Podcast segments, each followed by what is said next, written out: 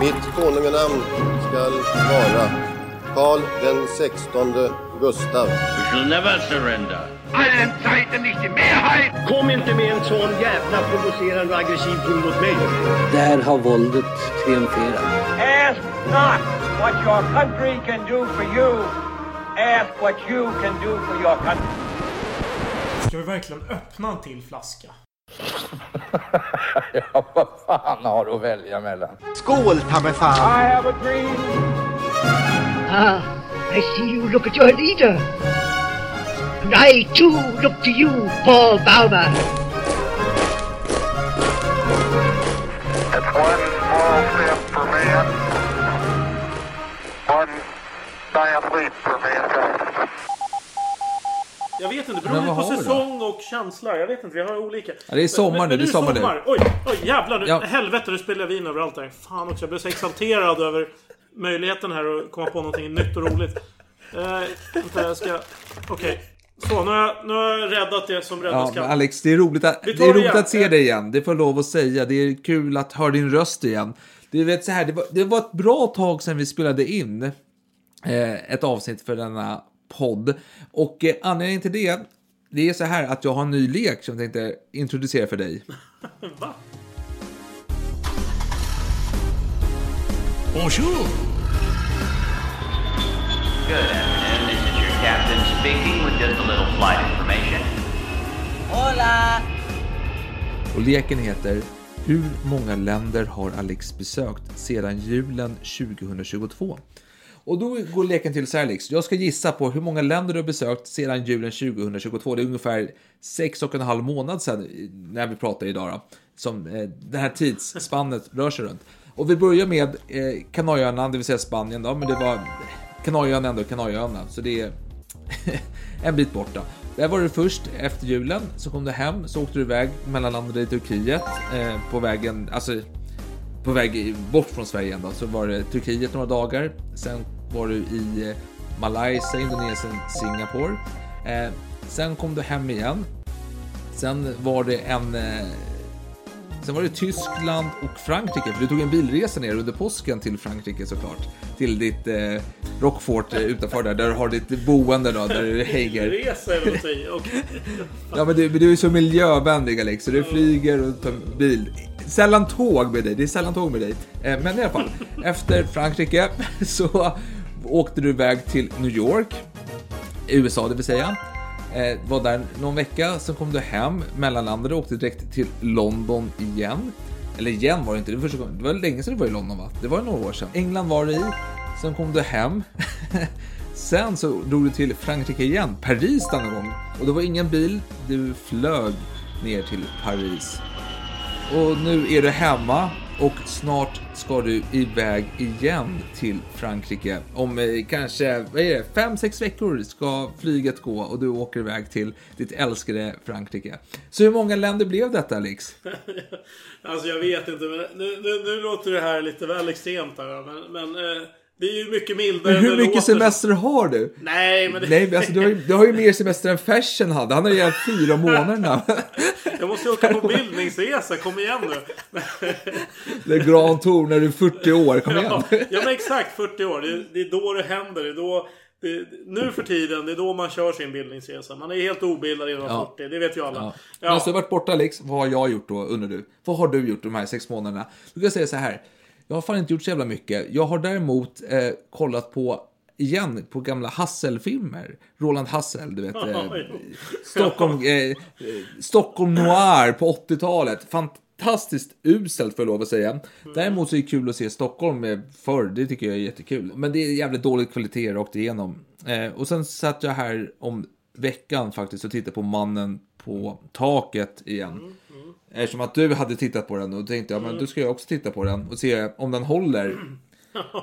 Fan vilken sunkig film det är. Förlåt alltså, den är inte bra alltså. Nu svär jag i kyrkan här alltså, men Alltså, Sven Wollter, han levererar ju liksom som Kollberg. Det, det får man lov att ge honom. Han springer runt där, är cool och lite naken och lite allt möjligt. Som han var på 70-talet.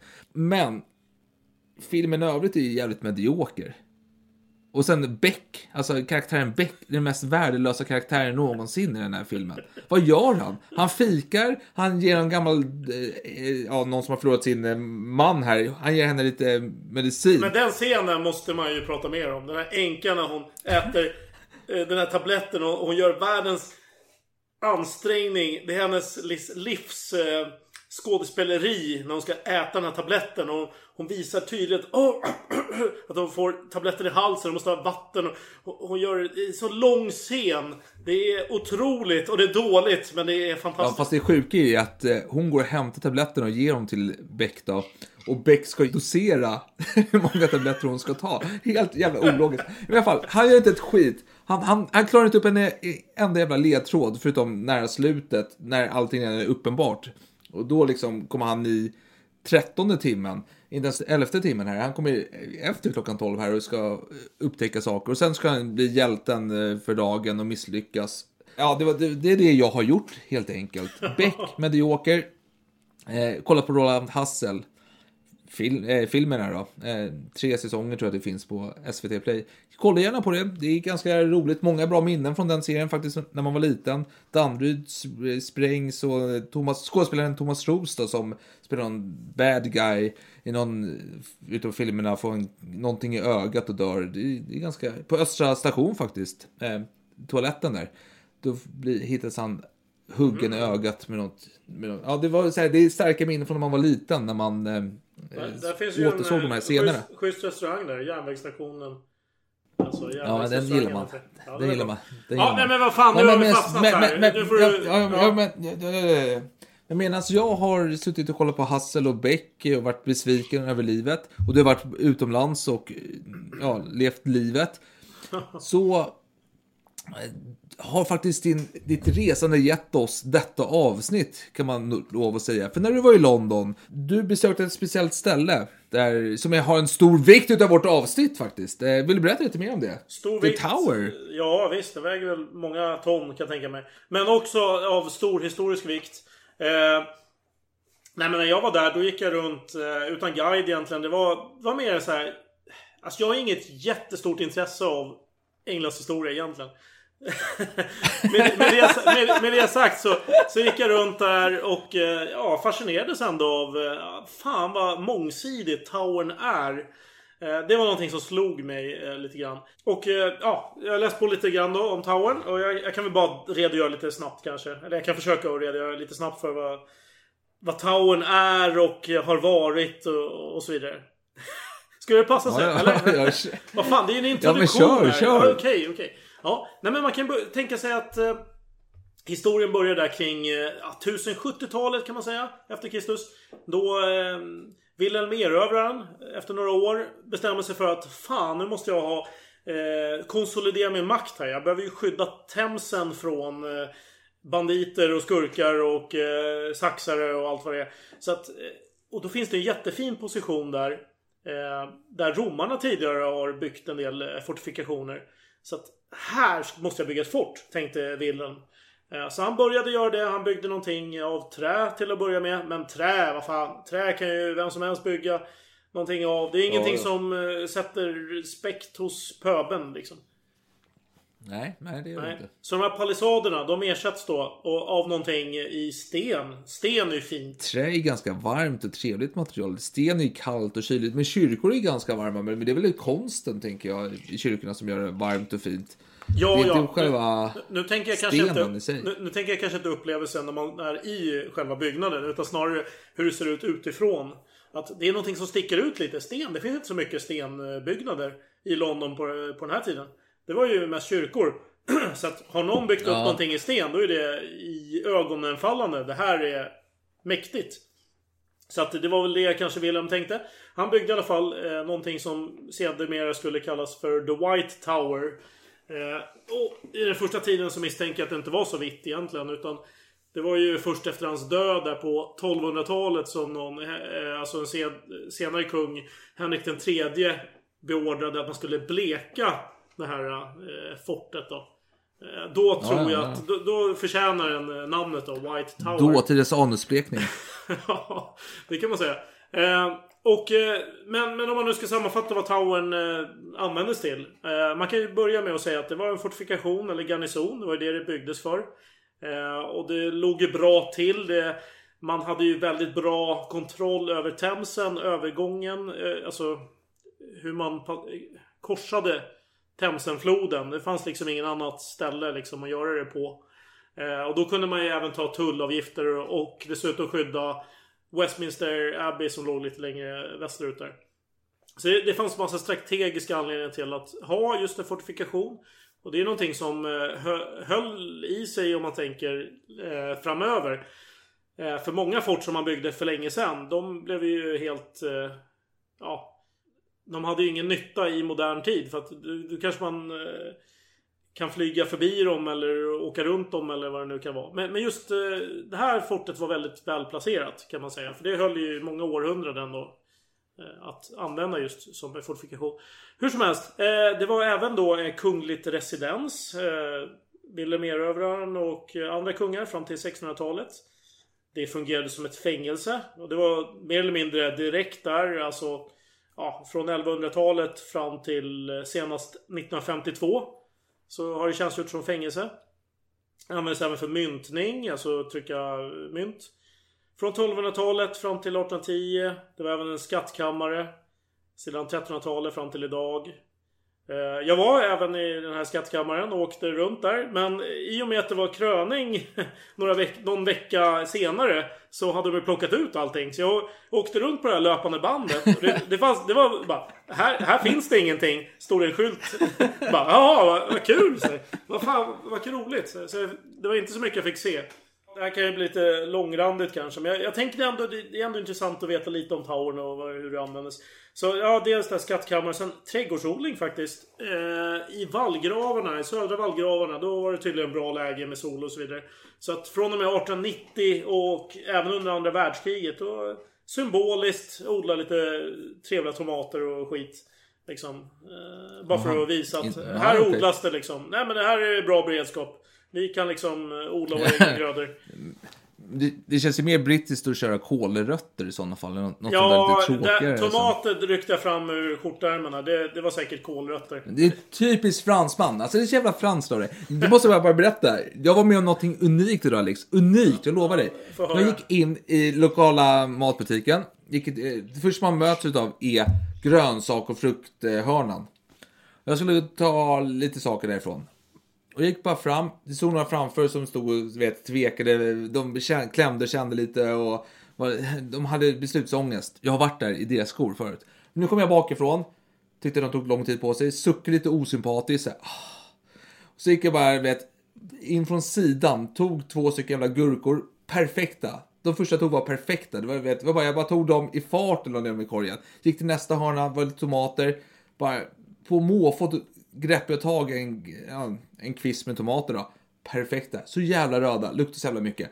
Gick vidare, körde paprika. Samma sak där. Jag hade så jävla flyt. Alltså, jag, jag kände mig som en segrare när jag gick därifrån. De stod fortfarande kvar och klämde på den jävla gurkan som inte hittade den perfekta krispigheten. Men jag, jag tog tre jäkla grönsaker bara på rullande bandprincipen. Eh, det har aldrig hänt förut. Nej. Jag brukar alltid stå och vela i typ 20-30 minuter och kommer alltid hem med ruttna grönsaker. Så det är karma Det- eller? Är det det du säger? Eller, Nej, nej, nej, nej, nej, det var bara så här, jag bara känslan av att gå in i en matbutik och för första gången Mm. gå segrande ur grönsaksavdelningen. Det är så, och, och, alltså vanligtvis brukar grönsaker vara ganska billigt liksom, men nu har det varit ganska dyrt senaste tiden. Då, då känner man sig ännu mer som en förlorare. Kommer du, har du köpt paprika för 70 spänn och kommer hem med helt jävla ruttna paprikor liksom? Det känns ju jobbigt. Jag köper det du säger för det är alltid Det är alltid så losers game. Det finns liksom oändligt mycket grönsaker. Du, vet att priset är högt. Och du vet att du...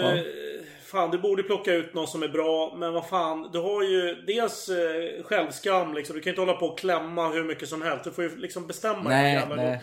Eh, och så, så får du hoppas på det bästa. Och det är inte ofta man vinner det här spelet. Men jag är imponerad över att du lyckades. Ja, och jag kunde, vara, jag kunde få vara den dryga personen i, på avdelningen också. Jag kunde gå runt och vara osympatisk och bara sucka åt alla som tog tid på sig och klämde och kände. Det, det, var, det var viktigt för mig. Det var viktigt. Alltså, men Jag fortsätter om Towern. Men ärligt talat, gurkor är väl inte det svåraste att välja. Jag tycker det är mycket Nej, svårare med meloner och avokado och sån här skit. Det är en Ja, men jävla mardröm. Ja, alltså. men det är jävla tropiska jävla saker. Det är en Mm. jävla mardröm. Men, men eh, tomater och paprikor kan vara lite knepigt ibland. Eller paprikor, eh, tomater är väl ganska enkelt, bara lukter, känna skit. Men det, det viktigaste... Du Alex, du förstörde för mig detta. Det här är stort för mig. Jag gick bara in och tog på måfå. Det är det som är grejen. Jag tog på måfå. Jag, bara, jag, jag tittade inte ens på de jävla tomaterna. Jag bara kände när doften kom emot mig. Jag bara sträckte armen, tog den. Perfekt. Du var, du, var, du var en kolberg liksom och bara i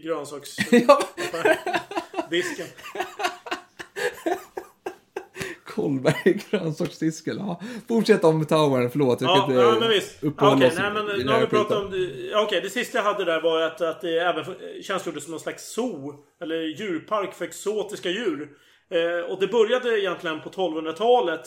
Eh, då kejsaren, eh, alltså tysk-romerska kejsaren Fredrik andre gav tre leoparder i gåva till Henrik den tredje. Och Henrik, han fick mer smak lite i San, eh, eller lite i Sara Bernardisk anda. eh, Helt enkelt. Och skaffade även fler djur då. En afrikansk elefant och, och lejon och till och med en isbjörn. Som eh, tydligen var fastkedjad men tilläts eh, fiska liksom självmant i Themsen. så, så det är spännande historia där. Många användningsområden. Eh, sen lite kuriosa då om Towern. Om du inte hade någonting att lägga till där. Nej, jag, vill bara poängtera för de, de som lyssnar att du faktiskt besökte Sara Bernhardt museum i Paris.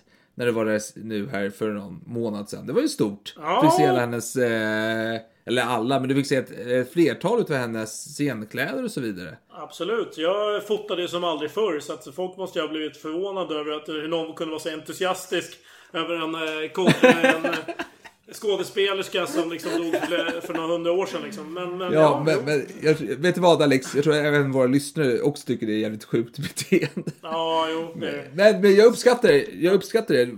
Stort av dig. Stort. Jag, jag, jag, jag tackar verkligen för att du gjorde detta för oss. Viktigaste var ju ändå att du utanför kom för tidigt. Det var stängt. Eller nej, det var inga lediga tider när du kom.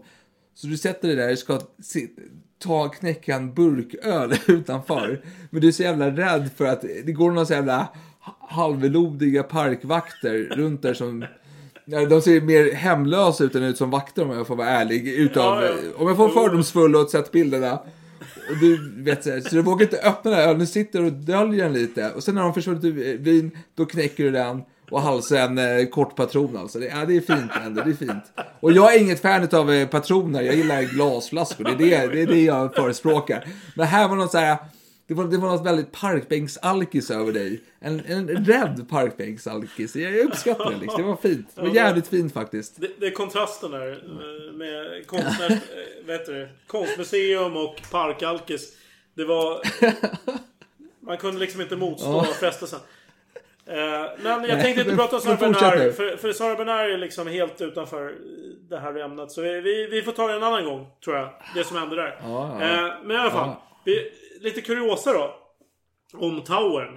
Eh, vi vet ju alla att Henrik den åttonde, han var ju ganska blodtörstig man. Som gärna halshögg sina fruar och så vidare.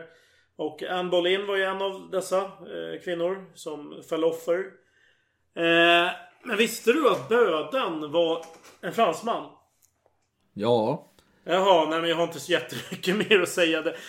Men, men tydligen hette han, eller nu finns det ju flera namn här som eh, påstås att, att han hette då. Men Jan Rombaud låter ju väldigt mycket som John Rambo, tycker jag. Ja, jo. Ja, jo, sen-. Sen hade han tydligen andra öknamn som Pierre Brehall och Peter den franske. Så att det är ju otroligt oklart exakt vem denne franske bödel egentligen var. Men tydligen dök han upp så pass tidigt. Eller han var ju på plats så jäkla snabbt. Så, så någon måste ju ha kallat på honom eh, liksom egentligen före rättegången av Anne Boleyn. Eh, för att det överhuvudtaget ska vara möjligt för honom att vara på plats i och med att han var fransk. Han han levde i Frankrike. Eh, och han användes tydligen för flera av avrättningarna.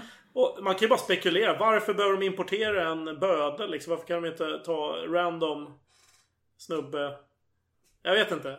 Det, det är mycket frågor här som väcks, kan man säga. Men du, du, du har inget svar på det? Nej, jag har inget svar. Nej men, men, men vänta nu, Bolin var ju, de, de, de hängde ju mycket i Frankrike, Bolin-familjen. Jo, jo, men det, de det, det var någon Henrik den åttonde som uttryckligen ville ha hans tjänster. Så det var inte någon annan som hade... Jo, men, jo, men han, var, han var väl ändå en relativt värdig eh, bödel från... Eh, Jaha, det var en monarki. artighetsgest kanske då, att han... Jag kan tänka men jag är väldigt oinsatt i brittisk historia ska tilläggas. Eh, Okej, men eh, men- jag tycker vi går vidare för det här var inte så Ja. jättespännande kanske. Sen har vi ju en spännande mordhistoria faktiskt. Från Towern. Ja. Att på 1400-talet då eh, lyckades en farbror eh, till den rättmätige tronarvingen.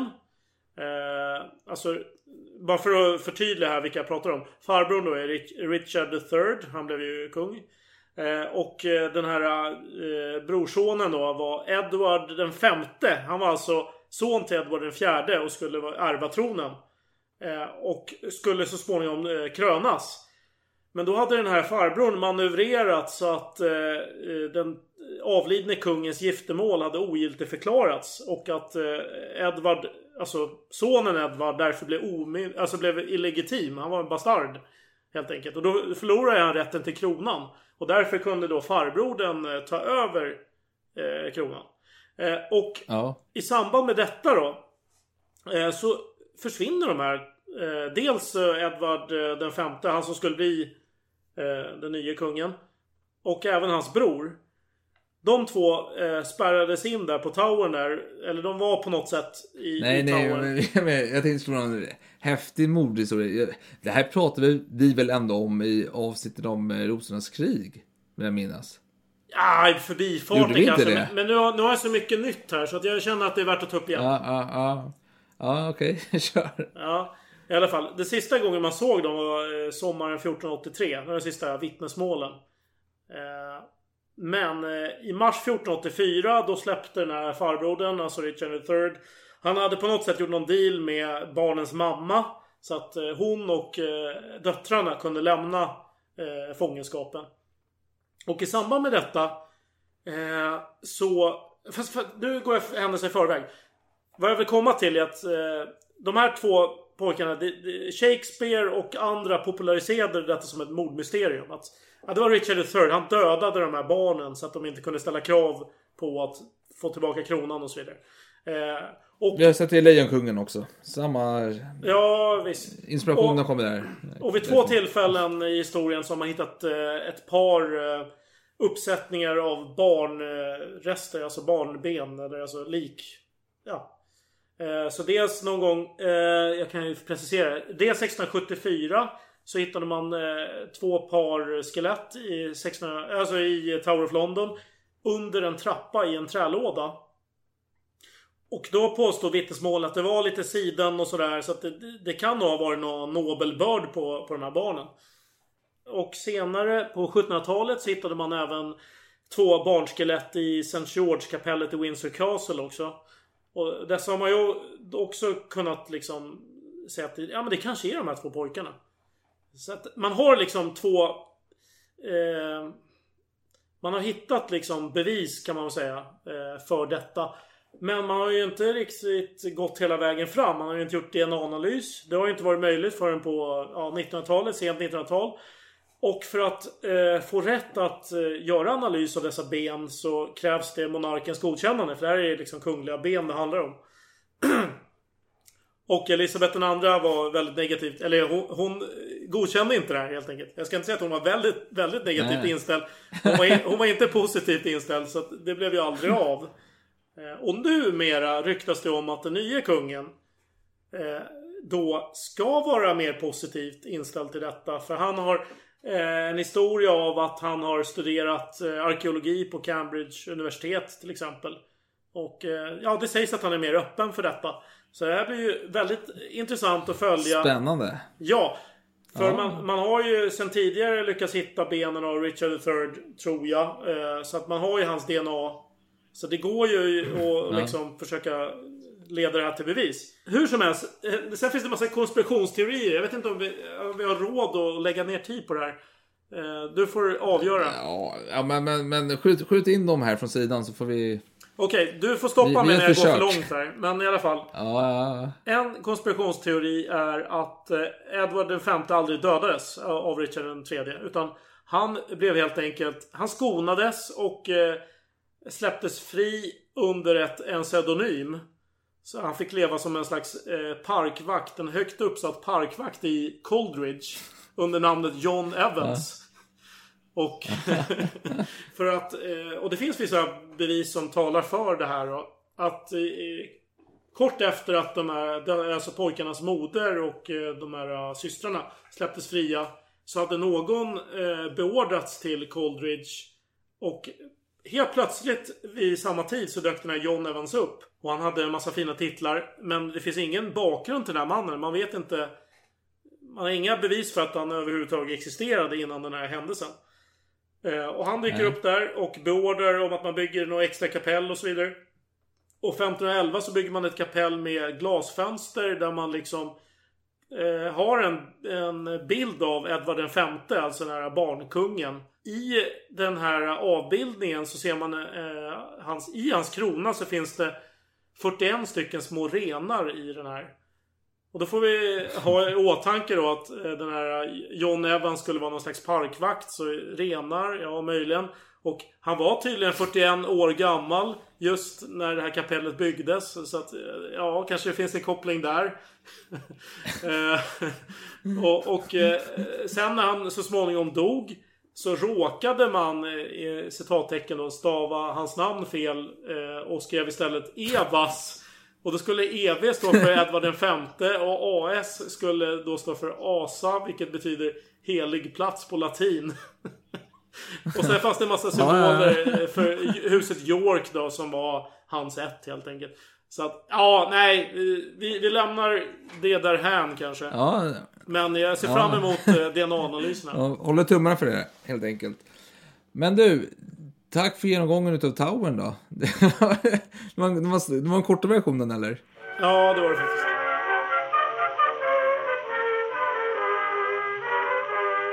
Men varför pratar vi om Towern då? Jo, för det var, när du var där, Alex, då såg du, skickade du en bild till mig om en person som jag faktiskt eh, inte kände till här på förhand, om jag ska vara helt ärlig. Eh, och tänkte, det här låter intressant. Och vad var det för bild, Alex, du skickade till mig? Det var en väldigt Eh, fin bild. Det var en minnesplakett va? Ja, På få, alltså, fångar som har arkebuserats i Tower. precis. Och det för oss till vår huvudperson i, denna, i detta avsnitt då. Eh, en eh, man som hette Ernst Valdemar Melin. Son till den store politikern och eh, skeppar... Vad säger man? Magnaten? Eh, Skeppar... Rederiägaren, eller vad man ska säga. Alltså, Rederiägare, ja, precis. ångbåtsrederiägaren Olof eh, Melin. Också, eh, han hade ju syskon också, den här eh, Ernst Valdemar Melin. Eh, tre stycken syskon. Den- kände sig väl hans bror då, som militär och scenograf. Eh, eh, legend helt enkelt. Han anpassade det där till eh, det svenska eh, flödet och ljud, ljudet, vad säger man? Eh, Jag är så jävla dålig på scenografi, men han anpassade scenografin till det svenska melodin, språkmelodin så att säga. Så att eh, man kunde göra massa mer eh, tecken per minut.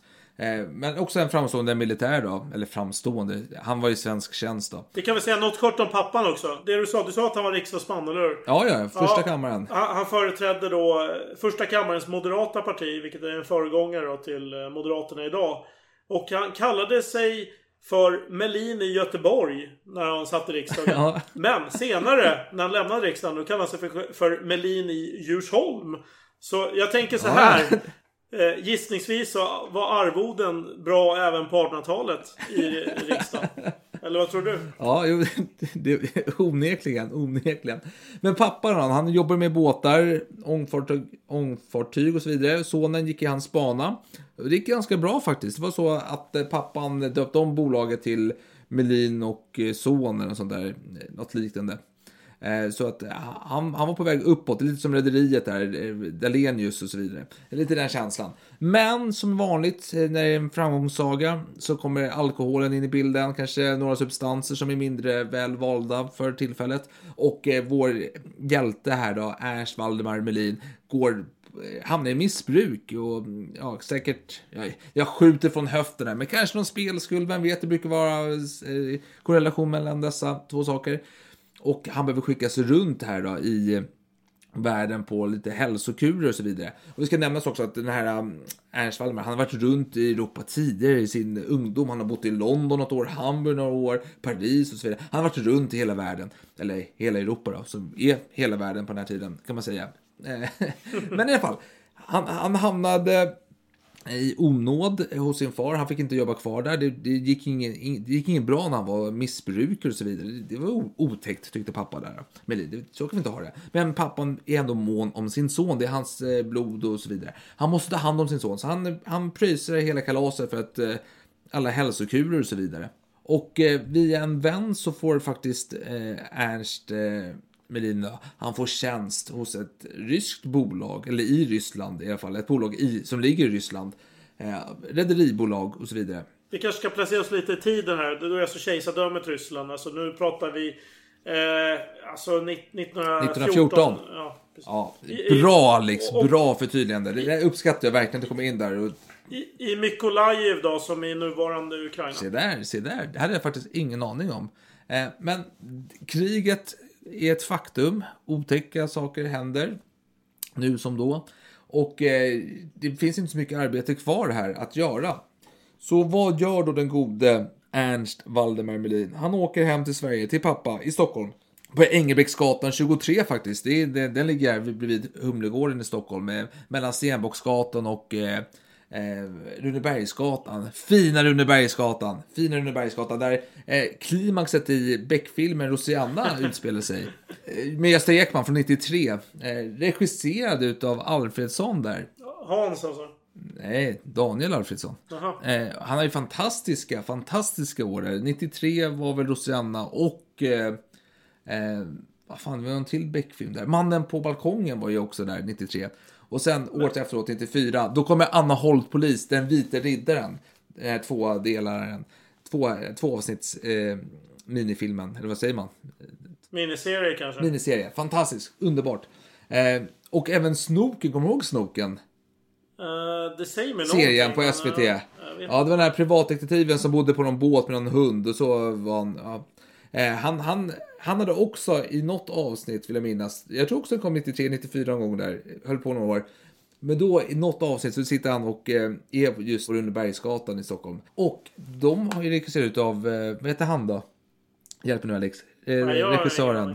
Kjell Sundvall. Jaha. Men, det, han, men han gjorde ju sista kontraktet för guds skull. Ja, ja, men den är ju fantastisk. Ja. Otroligt. Ja, ja. 97 Och i- i Eller lagen- var det inte 97? 98. 98. Fan, vad 98. I lagens namn. 86 gjorde han också. Eh, Tomten fått alla barnen. Hur som helst är han jävligt död också om Palmemordet. Ja, fin, fin, fin karriär. Fin karriär. Men skitsamma, skit i Kjell Sundsvall. Engelbrektsgatan 23 bodde pappan på. Han åkte dit. Vad gjorde han då Alex? Men nu, jag, jag ville bara dubbelkolla här. Vi, vi, vi sa att han fick sparken på grund av att kriget bröt ut? Det var inte att bara, han bara stack bara för att det var krig liksom? Nej, det fanns inget jobb. Nej, exakt. Det fanns inget jobb. Ja, men bra. Ja, Ja, det är bra ja, att du sa ja. det. Bra, bra. Ja. Eh, ja, Förlåt, förlåt. Vad var din fråga? Nej, vad, han kom, åkte till pappa och... Eh, Ja, ja, ja, ja, ja. Jo, jo, jo, jo, jo, jo. Ja, och han åker till pappa, han börjar få slut på pengar, vad ska han göra? Han åker till pappa som i, i den här tiden är sena 80-årsåldern alltså. Han är, han är gammal. 81. Pension, ja, okej. Tid, tidiga 80-årsålder ska jag påstå. Men, ja. Ja, är, du, är du helt säker på det? Ja, Okej, men skitsamma. Ja, i alla fall. Nej, men han... Eh, eh, pappan då... Eller han föreslog då till pappan så här, för han måste rådgöra med sin far. För, för pappan är ju valutareserven här. Om det skulle skita sig så, så, så måste han gå till pappa. Då måste ju pappa godkänna allt han gör. Det är så jag inbillar mig att det funkade. Eh, och han sa till sin pappa att Jo men vad fan, jag känner ju folk i Hamburg. Jag har ju hängt där. Jag har en massa kompisar. De kan ju fixa jobb till mig. Och då sa han, ja men åk dit då. Och då gjorde han det. För han gjorde, åkte säkert med någon av de där båtarna med rabatt då, eftersom pappa var gammal rederiägare och så vidare. Eh, men när han kommer fram så kan de tyvärr inte hjälpa honom. Han ringer sin far. Far säger så här, ja men fan. Ja, eh, det finns ju en vän här. eh, Den här svenska kommissionären här som heter Gerdes. Eller Gerdes. Honom kan du snacka ja, med. Ja, ja, Och då säger han, jaha, ja, ja, men det gör jag. Och då gjorde jag, tog jag en kontakt då med den här eh, kommissionären. Och de hade en affärslunch. Eh, men först och främst, vad är en kommissionär? Jag måste fan själv kolla upp, vad fan gör en kommissionär? Så jag frågade, eller jag gick in på synonymer.se. Och beskrivningen löd så här. Person som köper och säljer för annans räkning. Och då tänker jag Ja. så här. Med den definitionen, är inte det en bulvan? så så jag, jag, var tvungen att, jag var tvungen att rådfråga min lokala AI-robot här o- om saken. En kommissionär är en person som agerar, som agerar som företrädare eller ombud för någon annan. Vanligtvis i en affärs eller juridisk kontext. Kommissionär har befogenhet att handla i den andra personens namn. Bla bla bla bla. En bulvan å andra sidan är en person som används som en front eller sken för att dölja den verkliga identiteten. Bla bla bla. Så i alla fall, ja. Jag är överbevisad. Det är olika saker. Kommissionär är mer hederligt, helt enkelt. Eh, ja, ja. Han, alltså, du sa att han inte, hans vänner kunde inte hjälpa honom. Det är för att det inte fanns några vänner kvar i Hamburg. Alla hade ju lämnat eh, Håland. Jaha, det är så pass. krig för guds skull. Ja, ja, så kan det ha varit, ja. Ja, men det- absolut. Ja. Men i alla fall, de hade den här affärslunchen och den här kommissionären Han hade ju tyska besökare. Ja, besökare, citattecken. Jag vet inte exakt vilka kopplingar de hade. Eh, men i alla Ja, fall. nej, men, men, men ja, jo, vänta du. Ernst, eh, han sa det var fem eller sex stycken. Det var svårt Mm. att komma ihåg det, vet du, eh, hur många de är. Men runt där, så vi får en bild här. Att det är, han sitter vid ett runt bord, antar jag, och det är mycket uniformer och, eller kanske inte är, men det är mycket tysk, tyskar där som eh, tysk eh, pondus Ja, runt det visst. bordet. Sen, sen tror jag att kommissionären kanske inte vill blanda sig i de här skumraskaffärerna som man vet kommer att hända. I och med att den här eh, Melin då behöver jobb och han vet att de här tyskarna kan fixa jobb. Så här, det, det, är lugnt. Så att de, de, de träffas i alla fall på tu man hand, eller ja, fem man hand då, eller vad det nu blir. de här ty, tyskarna och Melin. De träffas ju utan kommissionären senare i alla fall, som jag uppfattat det. Ja, ja, så det här, ja, det, det, nu ska vi inte eh, tvätta honom ren från allt samvete, den här kommissionären. Nej. Det är så att de går in i hans arbetsrum, kommissionärens arbetsrum, men utan kommissionären. Utan det är bara tyskarna och Melin som går in där och fortsätter diskutera. Han är en bordellmamma, är det du säger? Ja, i detta sammanhang så blir han det. Och då säger de så här bara, vi, skulle, vi, har, vi har ett jobb till dig här. Och då säger Melin, ja men det är ju trevligt. Vad, vad, vad har ni för någonting? Jag kan göra mycket, jag kan, eh, jag kan allting om ångfartyg och så vidare. Eller jag kan inte allting, men jag har jobbat med det förut. Så jag säger, ja men vi vill att du åker till London för vår räkning och eh, eh, ja, rapporterar om eh, fartyg och truppförflyttning och så vidare till oss. Då säger Melin, nej, jag måste tänka på saken. Så jag hör av mig imorgon. Så här. Ja, och så lämnar han eh, rummet och eh, han, han kontaktar pappan då. Och han får ingen, nej, han får inga jävla pengar utav farn. Farn har tröttnat på honom. Han är jävla, o, jag tänker så här. Farn, eh, pappan där, eh, Olof Melin, han har ju en framstående son här som håller på med scenografi och så vidare. Så kommer den jävla alkade ungen som är, hänger i Tyskland och bara kostar pengar. Han har tröttnat. Han har ju ett föredöme här bredvid sig. Så kommer den jävla, ja, rövhattarna bredvid som inte kan göra något vettigt alls. Liksom. Han säger nej, inga mer pengar, du får klara dig själv. Ja, fan, det vill jag bry mig inte. Han kanske inte sa så, men han, jag kan tänka mig att han tänkte så i alla fall. Eh, Ja. och, nej, men så han, han accepterade detta då och eh, åkte till eh, Antwerp. Där han träffade Dirks. Antwerpen heter det på svenska. Antwerpen, ja, ja, okej, förlåt Alex, förlåt. Antwerpen, det är viktigt det här. Ja, ja. Eh, och där pratade han lite mer. Han blev, fick någon utbildning. Han tog sig till Rotterdam också. Han träffade de här jävla tyskarna och de berättade. Det här vill du veta. Det här är viktigt. eh."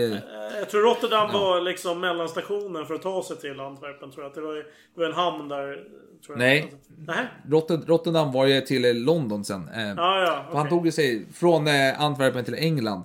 Eh, utbildad och klar. Han, hade fått sin eh, resebok här.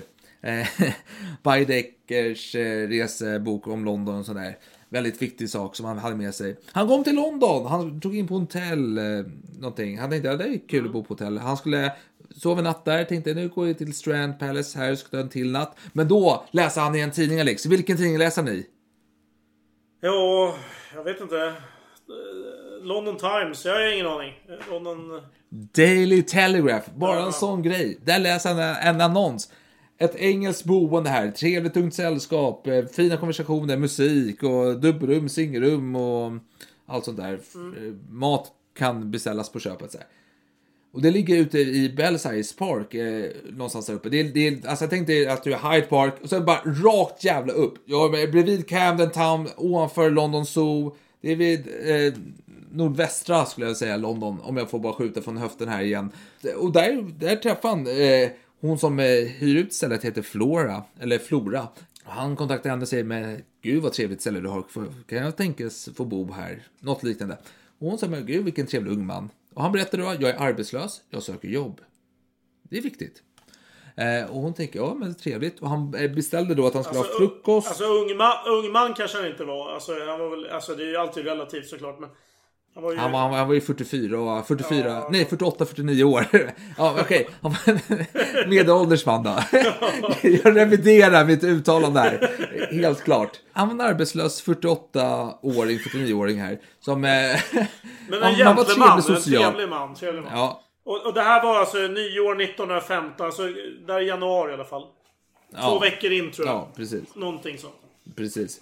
Precis, men han, han ville ha frukost och han ville ha middag. Det var det han eh, tog på köpet. Lunch fixade han själv. Men frukosten, han var ganska, han sov ju ganska länge på dagarna. Han, sov, han gick upp eh, runt 10-11 tiden på dagarna och åt frukost. Och kom hem väldigt sent för middag också. Och han var ju arbetslös som han uttryckte sig till, eh, till hon eh, Flora. Jag tycker Flora låter mycket bättre än Flora. Flora låter ju mer så här husmoderligt på något sätt. Eh, Så tant, tant Flora här tänkte jag, men vilken ung man, men vad konstigt ändå, för han är arbetslös. Och ändå vaknar han ju sen. Man tänker sig en arbetslös ska ju liksom upp tidigt, gå in och söka jobb hela dagen, komma hem och vet, äta middag och gå och lägga sig tidigt och så vidare. Men nej, nej, nej. Melin här, Melin här. Ernst Waldemar Melin. Han gick upp sent.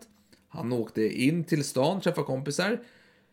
Kom tillbaka sent och han började ge massa gåvor. Cigarrer, cigaretter, lite alkohol här, lite det, det där.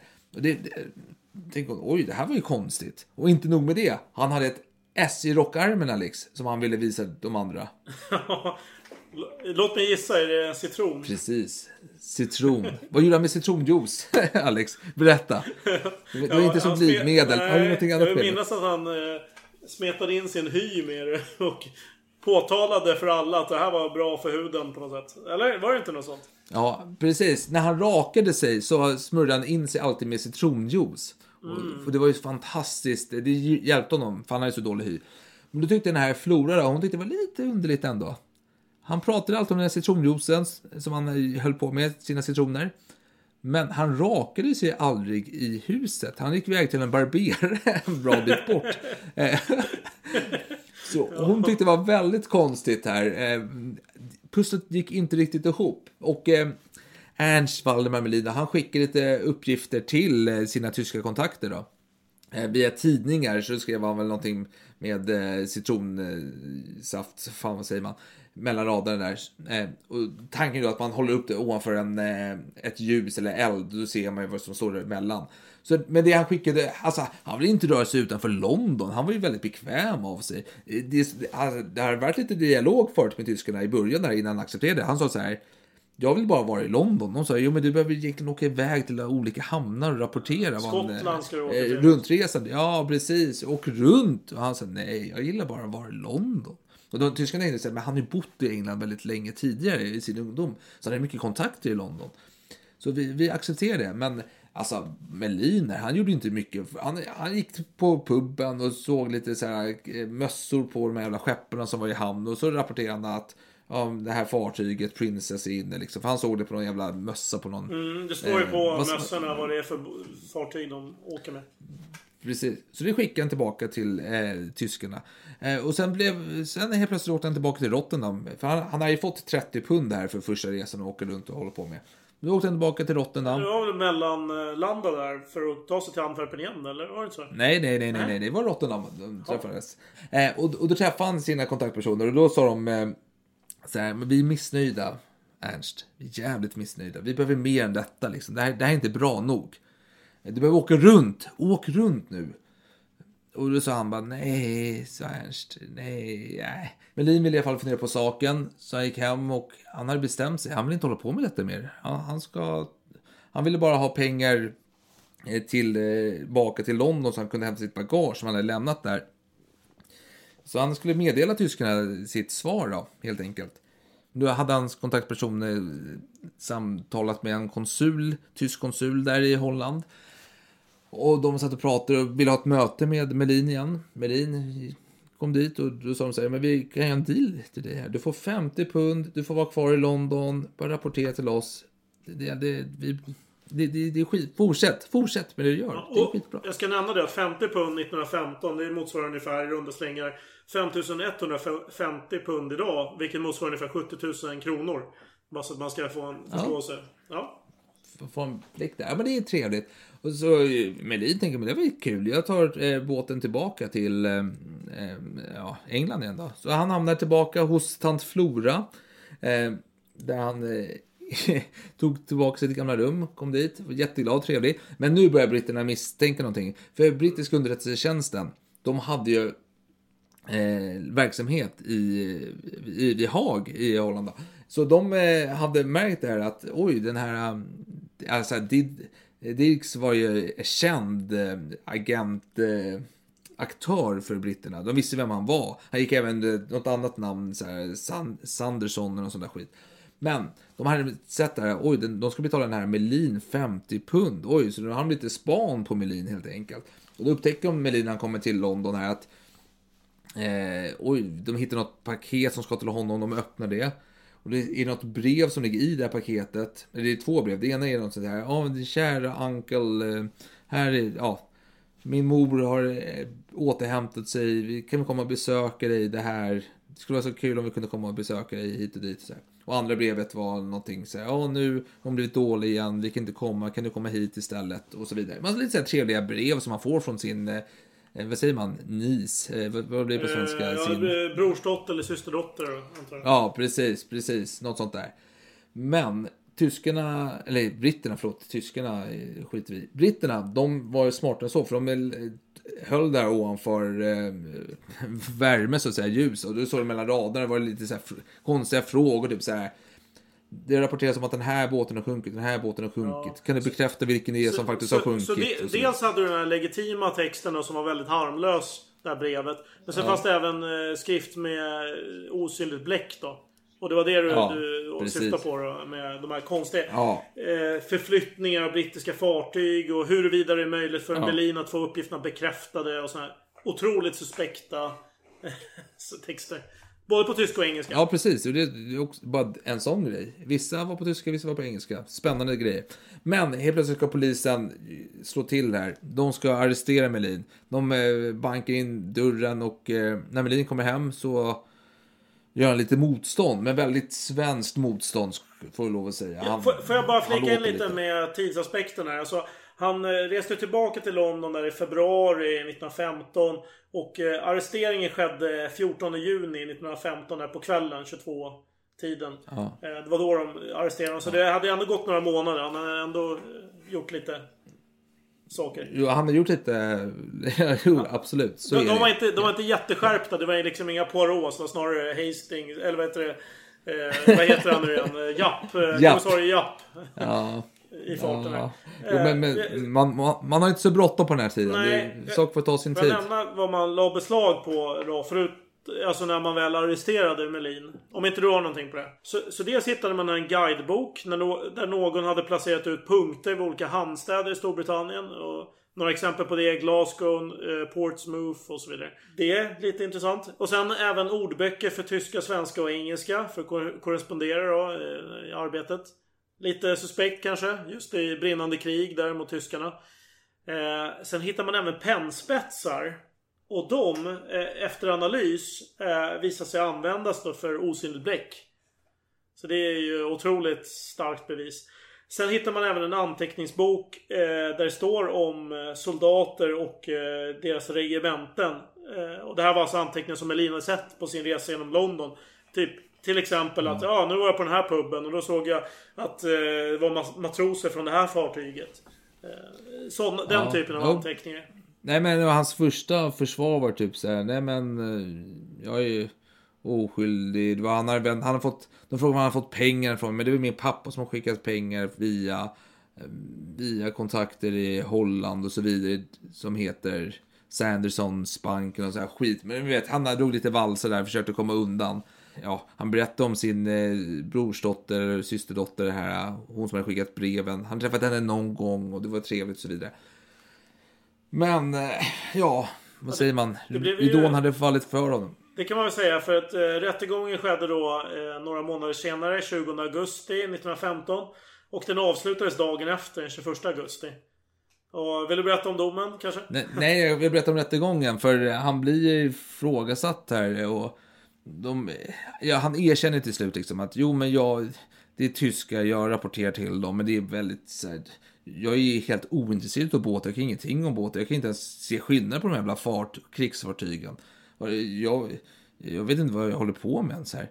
Så jag bara skickar massa annonser. Då kommer advokaten där, eller hans försvarstalare säger först ja men det här är en galning vi har att göra med. Han, är- han, han är totalt eftersatt mentalt.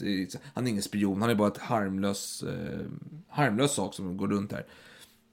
Och då advokaten börjar korsföra Melin då. Och, bara, ja men vad fan, hur mycket pengar fick du egentligen? Så här, ja nej men 50 pund. Ja men med alla omkostnader blir det 200 pund säger jag, äh, åklagaren. Melin går med på det, ja jo det stämmer. För vad då? För ingenting eller? Ja, nej, jo, jo, jag, jag skickar ingenting säger Men Men vadå, var de inte missnöjda med dig? Frågade åklagaren. Nej, men Lima, nej, jag vet inte. Eh, jag vet ingenting. Nej, men varför liksom så här, om du inte kan någonting, varför eh, hade de bett dig kolla om fartyg om du inte kan någonting om fartyg? Nej, men jag kan saker om jag skulle rapportera om markfolk också. Men så här, lite konstigt ändå vad han håller på att påstå här Melin. Och till slut blir åklagaren bara så här, men vänta nu. Är, är tyska underrättelsetjänsten typ det, det mest korkade människorna på jorden eller? Nej, det, det, det tror jag inte. Men varför ska de då annars betala 200 pund för uppgifter som helt nonsens? Men ja, nej, vet jag fan inte, tänker han sådär. Och det här kan man ha lite åsikter kring, tänker jag spontant. För han har tidigare återkallats till, eller åkt tillbaka till Holland, där han har blivit ifrågasatt för att hans innehåll är väldigt mediokert. Det skulle kunna vara en bra försvarspunkt kan jag tänka. Liksom. Jo, jag blev återkallad för att jag sög på det jag gjorde. Jag ville ge mig en till chans. Jag har inte läst hela protokollet här från rättegången, så jag vet inte om det kom upp någonstans. Men det som eh, finns eh, återberättat i vissa källor så framgår det i alla fall inte. Eh, och eh, sen så hade han ju skickat ändå så här 30 tidnings, tidningar till Holland med de här hemliga skrifterna med information då. Runt 30 stycken.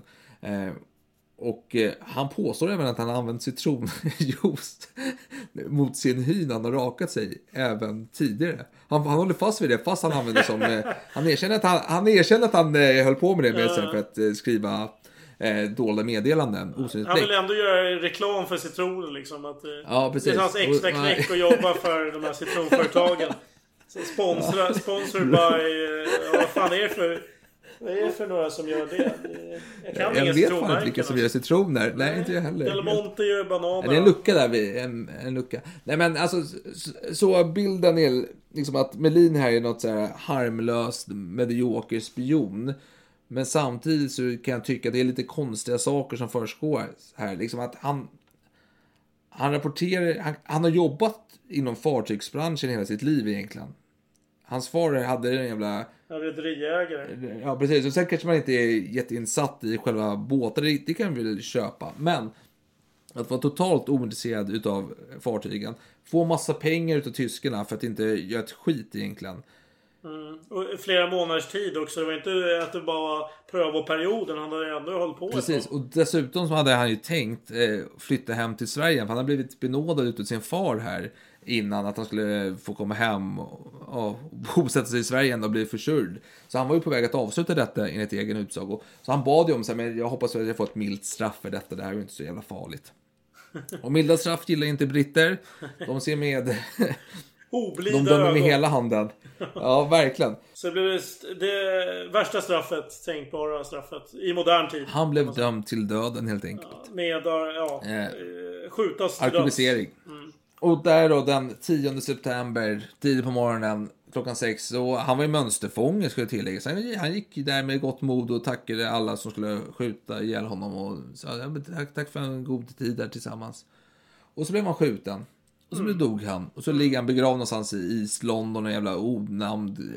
O, säger man? Omärkt grav. Och det roliga är att han har ju inte ens eh, bemödat sig att få en Wikipedia-sida. Den här Han är inte ens goda det. Waldemar. Du, det, Han är ens värd det. Fan, du ska, sä- du ska veta det att av, det är ju väldigt få förunnat att bli avrättade i Towern. Alltså det är... ehm, om vi säger så här, det är 22 stycken som har blivit avrättade i Towern och han är en av dem. Så han står för 5% cirka av alla Eh, alltså alla avrättade. Alltså svenskar står för 5% av alla som har blivit avrättade i Towern. Och han står för 100% Ja, det- det- av alla svenskar. Bara det. Ja, men, men, men det, är, det är ändå någonting så här, för det här, det här livsödet är inte speciellt, eh, alltså jag tycker ändå det här, det är inte så remarkabelt, det är inte något så här fascinerande, utan det är bara mest eh, någon halvtragisk historia som jag ändå tycker är värd att berätta i sin mån, eftersom att det är så pass okänt som det ändå är.